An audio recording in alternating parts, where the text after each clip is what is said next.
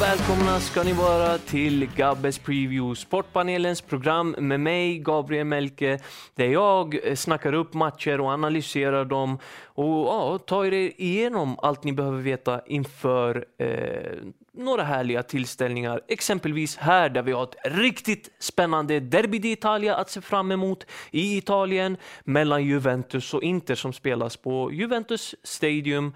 Eh, Juventus hemmaplan alltså och eh, ja, en riktigt fin kamp att se fram emot.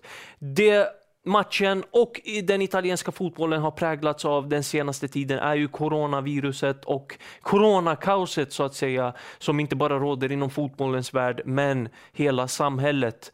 Eh, en tråkig grej som har gjort att eh, ja, hela den italienska fotbollen har påverkats i form av att man har behövt skjuta upp matcher, att man har bes fattat beslut eh, och ändrat sig fram och tillbaka lite hela tiden och eh, nu har man kommit fram till att stänga av eh, läktaren eh, på alla eh, håll och kanter i den italienska fotbollen eh, i, i en månad egentligen. Så den här matchen, Juventus inte kommer tråkigt nog att spelas utan publik. Eh, och vi kan väl börja med att flytta oss över från kaoset till fotbollen. Där vi kan börja med Juventus och, och deras form och hur det har gått för dem på senare tid. Just Juventus kommer från en riktigt dålig insats mot Lyon på bortaplan i Champions League egentligen. Eh, det går inte att säga annat än att det var ett underkänt eh, Juventus så, sett till helheten från den insatsen på, eh, i Frankrike egentligen. Eh, man var tama, man var helt, ja, inte sig själva egentligen och Sarri kändes helt bortspelad på sätt och vis. Och 1-0-segern den tillskrevs Lyon. Uh, Juventus har inte sett riktigt så bra ut som man har vant sig vid sen uh, matchen mot Napoli där man förlorade på San Paolo för ett tag sedan. Det har varvats lite resultat efter det, en torsk mot Hellas Verona till exempel. Och man har inte riktigt övertygat. Nu har man inte spelat fotboll på ett tag så man kan möjligtvis ha studsat tillbaka till sig själva. Gällande Inter, där har vi eh, en form som väl får sägas vara lite bättre, även om man har varierat lite grann även där.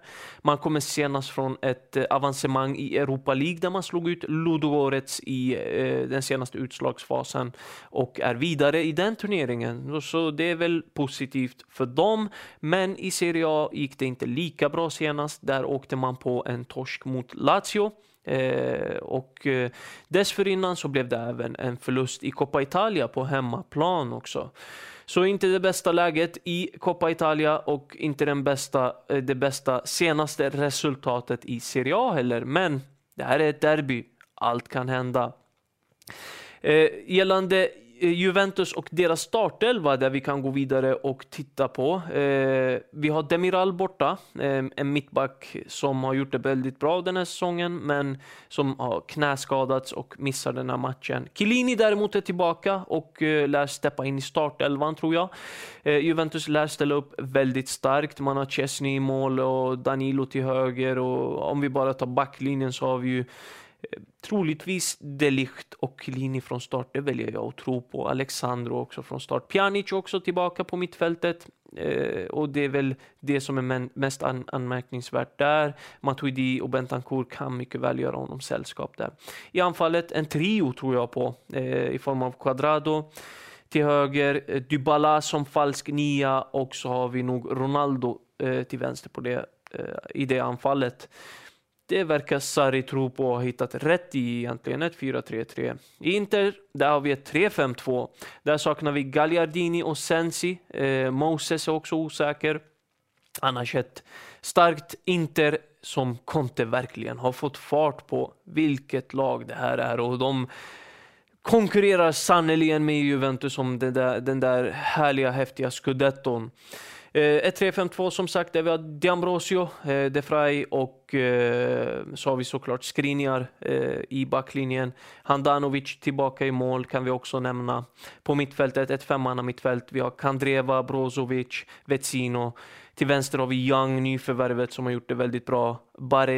Barella precis framför där, ett femmanna mittfält. Han som offensiv pjäs gjort det väldigt bra. Och på topp har vi det fina anfallsparet i Lautaro Martinez och Lukaku gjort det riktigt bra och kommer verkligen hota mot Juventus backlinje. Det här kommer bli en svängig match, en väldigt, väldigt svängig match och jag tror att vi bjuds på en riktig show med tanke på att lagen inte har spelat fotboll på ett tag och med tanke på att lagen säkert kommer komma hungriga, inte bara för att det är ett derby men att eh, ingen publik på plats, men många som kommer följa matchen på TV. Eh, hur kommer matchen sluta? Contes eh, pressspel och Contes intensiva fotboll mot Sarris. Vad han vill spela är i alla fall en eh, snabb och, och teknisk och, och många, ett, ett intensivt passningsspel. Hur kommer den bilden sluta? Jag tror att det blir målrikt här. Eh, jag tror på ett över 2,5 mål i den här matchen eh, och, och, ett jättefint spel som du finner hos, hos William Hill till två gånger pengarna. Eh, jag tror på målrikt här och missa inte det. Det är verkligen spelvärt. Släng en liten slant på eh, över 2,5 mål till två gånger pengarna hos William Hill. Jättefint lir eh, som du kan slänga en liten slant på som sagt. Annars så skriv gärna vad du tror om matchbilden, vad du tror om eh, hur Sarri kommer ställa upp, hur Conte kommer ställa upp och eh, Contes pressspel kontra Sarris, den sarrianska fotbollen. Eh, och skriv vad du tycker om min analys. Håller du med mig eller är du emot mig? Skriv gärna det.